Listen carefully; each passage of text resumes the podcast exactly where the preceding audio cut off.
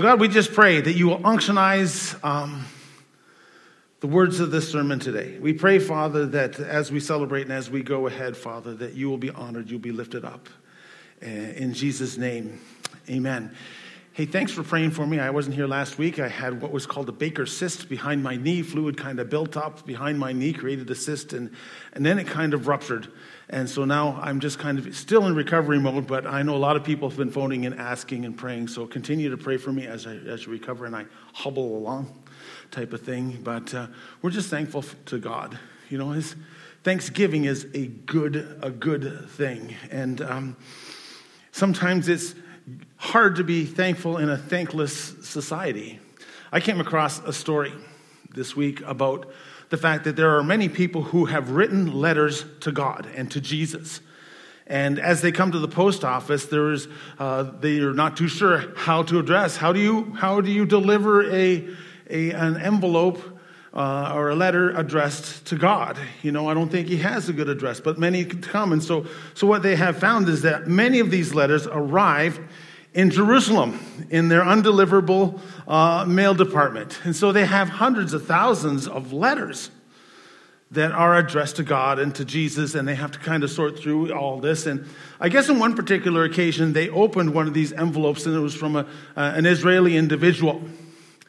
And as they read this, this um, thing, it was, it was about an individual who was in the midst of poverty, and he's asking God for, for uh, 5,000 shekels, which I think equates to at that time about $1,000.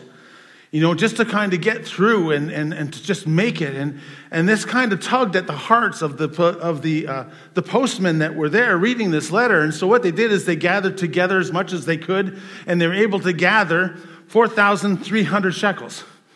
So they put it in an envelope and they delivered it to his, their, his house and they kind of felt really good about doing this. And so what happens is they, they, get, a, they get a letter back. There was another letter addressed to this, and, and this is what this guy said. He said, Thank you, God, for the contribution.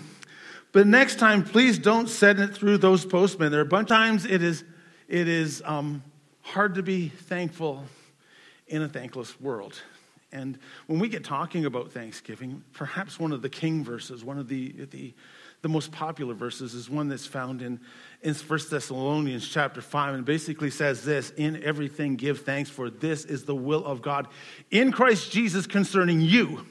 Now, you notice I underlined the word in there because we realize, those of us who are veterans in the faith, that it's very hard to be thankful for everything. But the Word of God tells us that we need to be thankful in everything. And um, I, this is one of my, I, I love this verse and I hate this verse at the same time. Right? Uh, do you ever have verses that you kind of love and hate at the first at the same time? I like I know, and if you're if you're watching online, maybe you can even write down a couple of verses that you love and you you hate these verses um, at at the same time. They're almost almost I almost like to call them Buckley's Buckley's verses. You know, like the they taste lousy but they work right? This is one of them. Because you realize that, that this is the case. And there are times, there are seasons where I'm not as thankful. I have a harder time. It is a chore to be thankful. And that's based on perhaps what is going on in my life. It's based on some of the circumstances which are taking place. And, and even as I mention that and, and you reflect on that in your life, there might be one or two episodes in your life where you have kind of said, Yeah, I can relate to that. That resonates with me. Perhaps I'm going through a situation, or you are going through a situation uh, like that as well, right? And the truth is, we all know this. You know, that there was always something to be thankful for. And today, this is what we have. We have a day relegated um, to celebrate that. And research has shown th- this as well that that a person who continually practices a life of gratitude not only boosts their immune system, but bolsters their resilience to stress, lowers depression, increases feelings of energy, determination, and strength, and even helps you sleep better at night. There's medical reasons, not just scriptural reasons for do it. And as we go through this pandemic that just doesn't seem to end, there seems to be a spotlight, a magnifying glass on a day like today. How do I live this out in the present circumstance, in, in what I am, am going through. And, and so the idea and, and the challenge to preaching is this when a person expounds the Word of God, the idea is not to form an opinion and then pick out scriptures to justify that. That's not good preaching. What you really want to do, you don't want to use the Word of God to justify your opinion, but what you need to do is you need to use the Word of God to form your opinion. I don't want to give you my opinion and just kind of add some scriptures to them. I want to take the Word of God and say, this is the way we should feel. This is the way we should act because this is what the Word of God says. Amen? I think we're all with us as, as far as that's concerned. And, and as we apply this, this, this message to that, this so much, this is what really applies because when I come to the conclusion in talking about Thanksgiving, and as I look at what the scripture says, I realize that Thanksgiving takes on a new level when we consider all that God has done. When we take a look at Thanksgiving in reference to the cross of Christ, that Thanksgiving means something different to us and causes us to act different. And because of that level of gratitude, it puts upon us as well other virtues, other things which are absolutely important. Now, you know, we'll all agree that if I'm thankful, I will be a happier person. And that I have to have an attitude of gratitude, and that I need to look for the silver lining in every dark cloud. And, and there's always something that I can be grateful for. And, and as you gather around the Thanksgiving table, and some of you have that tradition where, well, as we, before we eat, we, each one is going to say something that they're thankful for. And this is a good thing. And when I'm thankful, not only is it good for me, but it's also good for the person, the recipient, that you are thankful for. It's scriptural, it is a good thing. But in light of the cross, it means something a little bit more. If you give me a couple of minutes um, this morning, I want to expound a little bit deeper. Because if the cross does anything, it makes us thankful. If you're not thankful when you think of the cross, then I don't know if you totally understand all the aspects of, of salvation. And this is what we're here for. Now, as I was preparing this, I came across an episode in my life.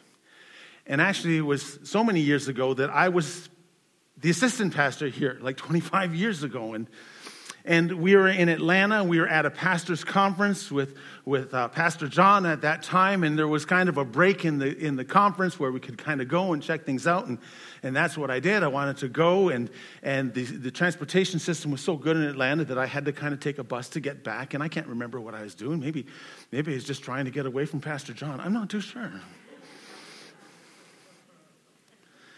But I remember getting on the bus and putting in my $4 that you put into the little thing, that the little box that they have there. And I sat there and I was sitting there for a couple of minutes and they had to stop at another bus stop. And there, there was a, a, young, a young man who had got on. And you could tell that he was in a hurry and what he was doing seemed to be important to him. I didn't know exactly what it was at the time. He had a couple of bags. And for some reason, as he gets driving and the, the bus gets driving, he, for some reason, cannot find his fare or does not have enough for his fare to the point where the driver says, I'm sorry, if you don't have the fare, I'm going to have to let you off at the next stop. And at this time, I stand up and I only tell you this story to tell you what a wonderful person I am. No, not really.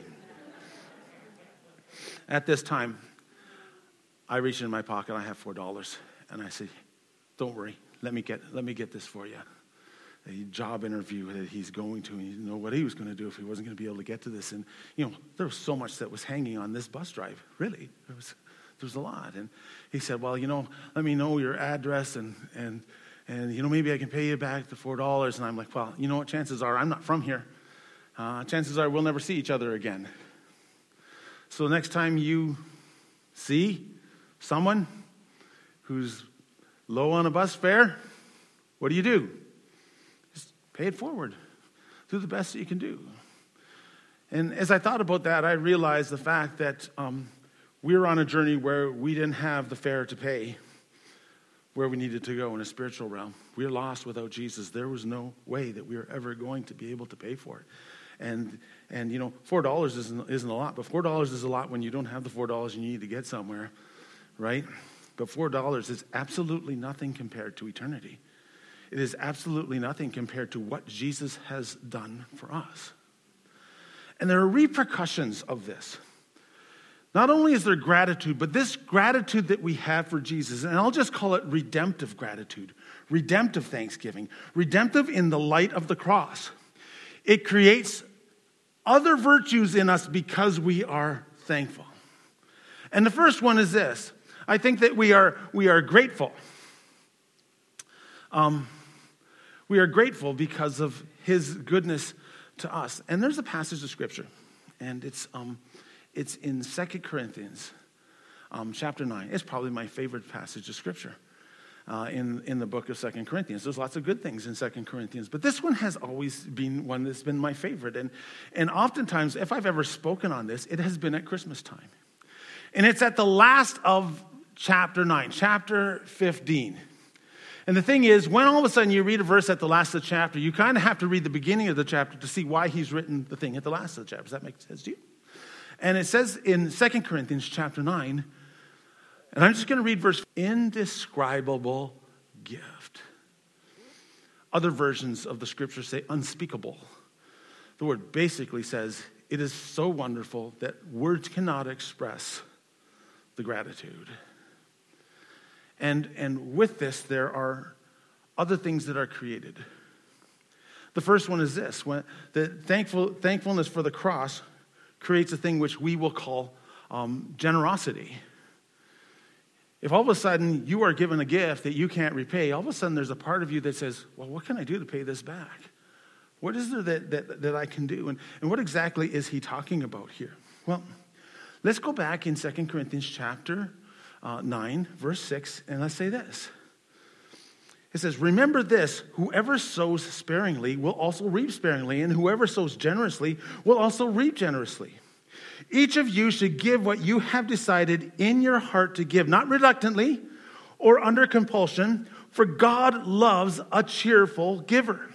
And God is able to bless you abundantly so that in all things, at all times, having all that you need, you will abound in every good work. As it is written, they have freely scattered their gifts to the poor. Their righteousness endures forever. Now, he who supplies seed to the sower and bread for food will also apply supply and increase your store of seed and will enlarge the harvest of your, uh, of your righteousness. And you will be enriched in every way so that you may be generous on every occasion. And through your generosity will result in thanksgiving to God. This service that you perform is not only of supplying the needs of the Lord's people, but also overflowing in many expressions of thanks to God. Because of the service that you have uh, provided yourselves, others will praise God for the obedience and accompanies your confession of the gospel of Christ and your generosity in sharing with them and with everyone else. For in their prayers for you and their hearts will go to you because of the surpassing grace God has given to you. Thanks be to God for his indescribable gift. You see the context with which this, this statement is made? There was a church in Macedonia which needed help. And Paul says this We're going to take up an offering, but I don't want you to feel indebted to give. You know, give out of your heart because God loves a cheerful giver.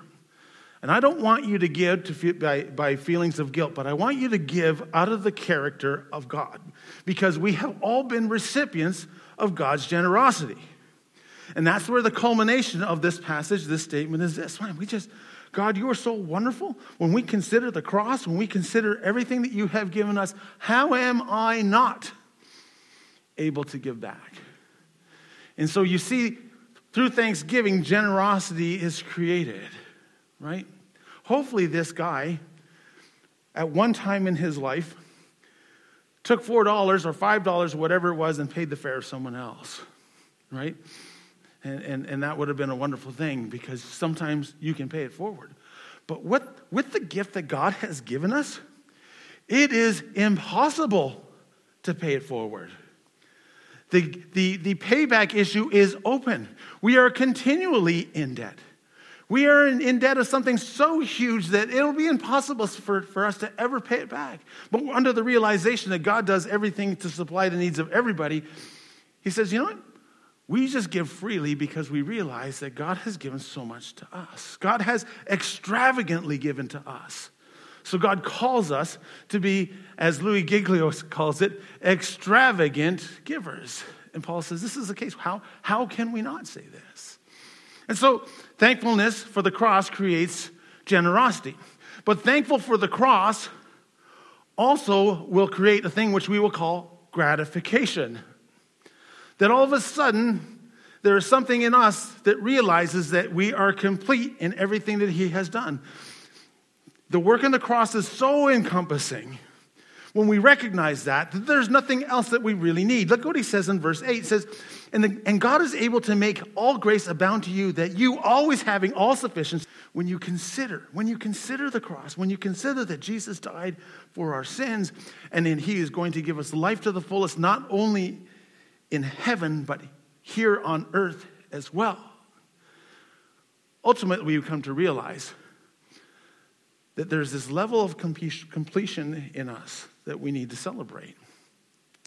And we call it contentment. And the doctrine of contentment is all over the scripture. Paul talks about this thing called contentment all the time. In Colossians chapter 2, he says this In you, you are, in him, you are complete, who is the head of all principalities and powers. God's all powerful. In him, you're complete. You don't need anything else other than God in Philippians, near the end of Philippians, he says this There have been times where I've had absolutely nothing, and there have been times where I've had absolutely everything. Whatever the case is, I have learned in whatsoever state I am therewith to be content. That's what it says. Right? And at the end of his ministry, as he's talking to Peter and, and or sorry, Peter, as he's talking to Timothy, and he's giving him instructions. The last part of, of the, the first book that he writes, uh, um, 1 Timothy chapter 6, verse 6, he says this Godliness with contentment is what? Great gain. It is continually seen throughout the scriptures, particularly by Paul. And we don't often acknowledge the doctrine of contentment because contentment is a hard pill to swallow. And the biblical value of contentment is not easy to hear in a culture of entitlement because entitlement squashes gratitude, doesn't it? And, um, and we are sold this line in society that says if I can just get that promotion, if I can just get that car, if I can just keep up with my neighbors, if I can just have that house, if I can just have the right spouse, and if I can have the 2.5 children, I don't know how they figure out it's 2.5 children. Maybe yet every single time, if you have three kids, one of them's only half there. I'm not too sure. I will be happy. When the Bible actually tells us that when I actually consider everything that Christ has done for me on the cross and I accept his love and the gift of everything I could possibly have is seen in him. I came across this quote. It says this about contentment Contentment comes not so much from great wealth as from fewer wants. And what it is trying to say to us is this you will never, ever be content from the external things. It doesn't matter what you gather, it doesn't matter how much you make, it doesn't matter what good fortune comes from the outside of this world. Contentment doesn't come from that. Contentment will come from the inside. Contentment will come from what Christ has ultimately done for you and what he has done for me. That makes sense. It leads me to ask when I consider all that Jesus has done for me, am I stuck with incredible gratitude? Does it lead me to realize that it is enough? That God has taken care of everything for both here and eternity? Or is there something inside of me that says, I still want a little bit more, God? See, the redemptive thanksgiving leads us to be grat- grateful, but that grateful all of a sudden creates a level of gratification, contentment. Amen? There's another thing that um, thankfulness uh, for the cross not only creates generosity, not only creates gratification, but it creates what I will call graciousness. And we kind of see that in verse, uh, in verse 8 as well. And God was able to make all grace abound to you, just like generosity. You know, when we consider what God has done and what the gift that He has given of His Son and generosity, we say, I can never pay this forward.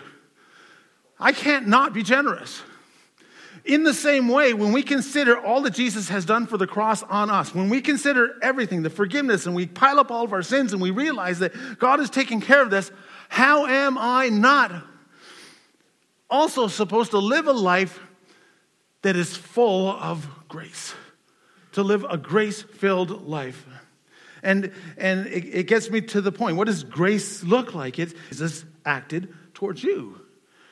You extend love to other people when they need it, when they don't deserve it, because you were at a point when you didn't deserve it and you got it. And you show patience to other people when they need it, when they don't deserve it, realizing that there was a time when patience needed to be given to you and it was given. And you show kindness to people when they need it, when they don't deserve it, because kindness has been imparted to us based on the cross of what Jesus has done. And, and this grace becomes indiscriminate, whether it's gender, whether it's creed, or whether it's color. And we, we extend grace not just to those people who we hang around with, we, we extend grace to those people who hate us and, and those people who don't agree with us. And, and, and we begin to see that our rights are, are secondary to the fact that we need to extend grace. And gracious living is hard and that it requires us to face our biases, our prejudices, our favoritism, our predispositions, our preconceptions, and our preferences, and even our stubbornness, and simply love people. And simply allow God to work through us, despite the fact that there will always be differences despite the fact that there will always be tension. That says, God says, listen, I died on the cross for them, just like I died on the cross for you. And from that comes a part of me that is indebted to infer grace onto those individuals. And there's a powerful a power in redemptive thanksgiving that the world just doesn't seem to understand. The world is with us when it talks about, yes, I need to be thankful. Yes, I see the advantages of being thanks, thank, of, of being, uh, having an attitude of gratitude. Yes, I, I, I feel good when, when people are thankful towards me, and, and it is good for me, inherently good for me. But all of a sudden, when, when looked at through the, the lens of the cross, it takes on a different meaning. It takes on a fuller meaning that, that, that all of a sudden makes me responsible to understand this um, type of gratitude, redemptive gratitude. It is now when our foundations are being threatened. I can't, what'd you say? Oh, I'm thankful for the cross and that, but I can't stand the time that I'm going through.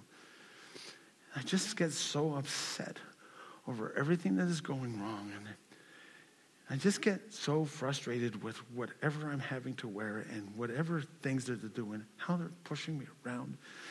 And there are other people who are Christians, but they just don't seem to understand the same things the way that I understand them.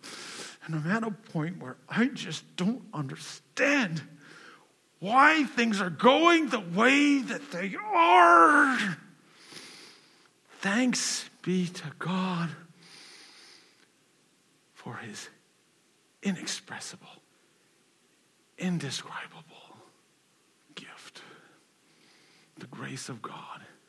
It causes me to be generous. And as I, as I, as I think of redemptive thank of, of redemptive thanksgiving and I place it over the template of a pandemic, I'm led to challenge myself. How generous am I? How content am I? How gracious am I in this whole process. I was thinking of the hymn at Calvary. Mercy there was great, and grace was free. Pardon there was multiplied to me. There my burdened soul found liberty at Calvary. Thanks be to God. for his inexpressible gift. Sometimes I think our biggest challenge as people who have been in the way and have been serving Jesus for such a long time is that we have forgotten what it's like to be lost. You ever found that? You kind of are going along in the way and, and, and you have celebrated freedom for so long that you forget that there was a time when you were lost, when you were empty, when you were bound, and there was nothing that you could do about it, and Christ came in. And to look again this Thanksgiving at a cross which says this I didn't have enough money for the ride. Someone came, put the money in for me. Now I'm able to go on. I'm so thankful for his goodness. I'm so thankful for the cross. Dear God, um, I just pray for your blessing on every single person who is here. And, and God, where uh, many people are here, maybe family are with them, or maybe uh, there are people who are, are watching online because they're going to be spending time with family. And uh, whatever the case is, be, whether we're here in person or whether we are uh, here online, Father, I just pray, Father, that we will take some time today to recognize this thing which is called redemptive thanksgiving. Not just surface thanksgiving, but the cross thanksgiving. Let it lead us to be better people. Let it lead us to be generous people. Let it lead us to be content people. Let it lead us to be people who just extend grace in a time where I know I need grace and I know other people need grace. And I pray that you'll be lifted up. And I pray, Father, for a special blessing today. I pray, Father, for an anointing today upon each and every person, each and every life. And Thanksgiving is such a wonderful thing because we get to meet people, family members that we don't see for such a long time, and many of them don't know Jesus. And many of them are in need of the extension of grace in their life. So, God, I pray that we will be able to do that. I pray, Father, that you'll be with every visitation that we have with family and friends, that, that we will be the light that you're calling us to be, and we'll be the blessing that you called us to be. And may you be lifted up. May you be glorified. In Jesus' name we pray. Amen. God is good. Say, God is good. Thank you for taking the time to listen. Let's continue the conversation online. Visit us at bethelbrandon.ca or follow us on Facebook.